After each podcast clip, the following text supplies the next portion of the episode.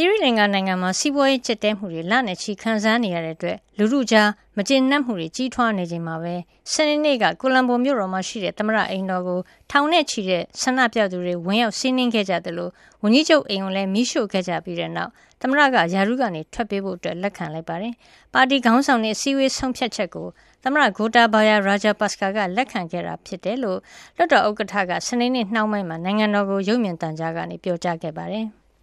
ဒီနေ့ පක්ෂ නායකයන්ගේ රැස්වීමෙන් අනතුරුව ගත් එකඟතාවය අනුව මා විසින් එම အာဏာလွှဲပြောင်းမှုချောချောမောမောဖြစ်စေဖို့အတွက်ဇူလိုင်23ရက်နေ့ယာရုကထွက်ပေးမယ့်အကြောင်းတိုင်းပြည်ကိုအသိပေးဖို့ကျွန်တော်ကိုပြောခဲ့တယ်လို့လွှတ်တော်ဥက္ကဋ္ဌမဟင်ဒရာယာပါအဘေဝဒနာကပြောသွားတာပါ